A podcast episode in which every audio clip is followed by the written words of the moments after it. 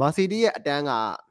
ကျွန်တော်တို့3800လောက်ဆိုလို့ရှိရင်ကျွန်တော်က3900ရောင်းမယ်ဆိုလို့ရှိရင်ပြီးမဲ့ကောင်လေးကြီးပဲ right ပြီးတော့ passive benefit ကတအားမြင့်နေတာ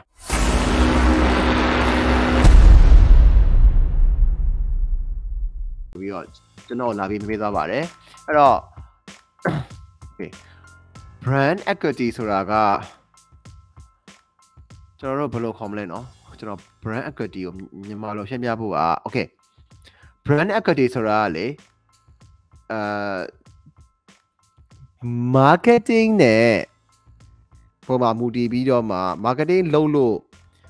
ဒီ brand တစ်ခုကိုလူတွေကဘယ်လောက်ထိပတ်စံပို့ပြီးတော့ပေးခြင်းလဲပေါ့နော်ဥမာ Apple Mercedes BMW စရဲစရဲစရဲစရဲစရဲဟာတွေပေါ့လေဆိုတော့ဟိုကျွန်တော်မြင်တာကတော့ဘာပဲဆိုလဲဆိုတော့ perceive benefits နဲ့ perceive cost နဲ့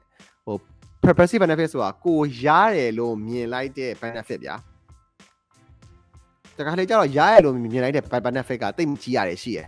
ဟုတ်တော့ဥပမာဗျာ Mercedes လိုမျိုးကားမျိုးနဲ့ Toyota လိုမျိုးကားမျိုးနဲ့ကနှစ်ခုလုံးကကားပဲ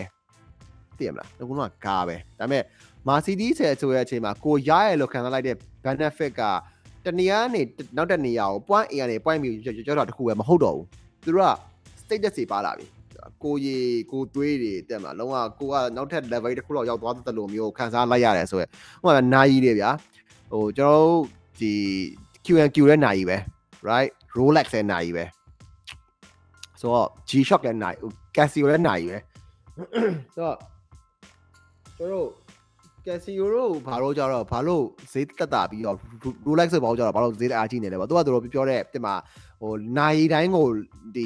လူတွေကအနူးစိတ်တယောက်ချင်းစီကနေလုပ်ပါတယ်ဆိုတော့ marketing တွေရှိရ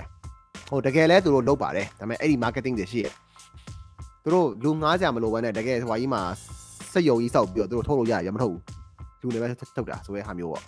အဲ့တော့အဲ့ perceive benefit ဆိုတာက ကျွန်တော်တို့ product ကပေးလိုက်တဲ့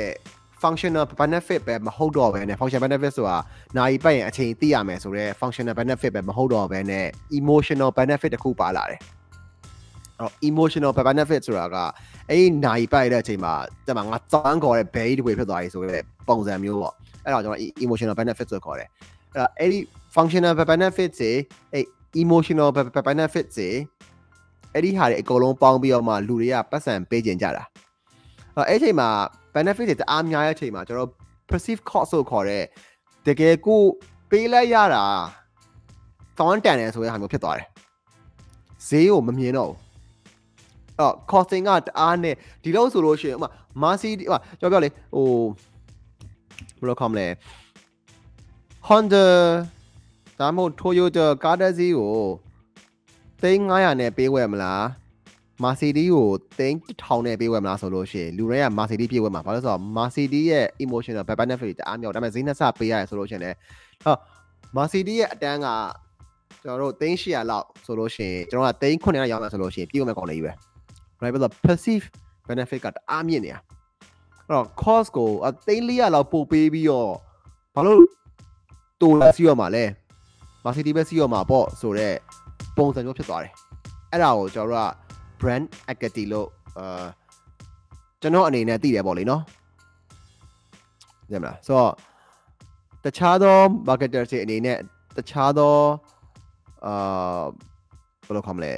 အမြင်တွေရှိကောင်းရှိနေပါလိမ့်မယ်ဒါပေမဲ့ကျွန်တော်ကတော့အဲ့ဒီလိုမျိုး brand equity လို့ကျွန်တော်သဘောပေါက်ထားပါတယ်ဆိုတော့ thank you ပါ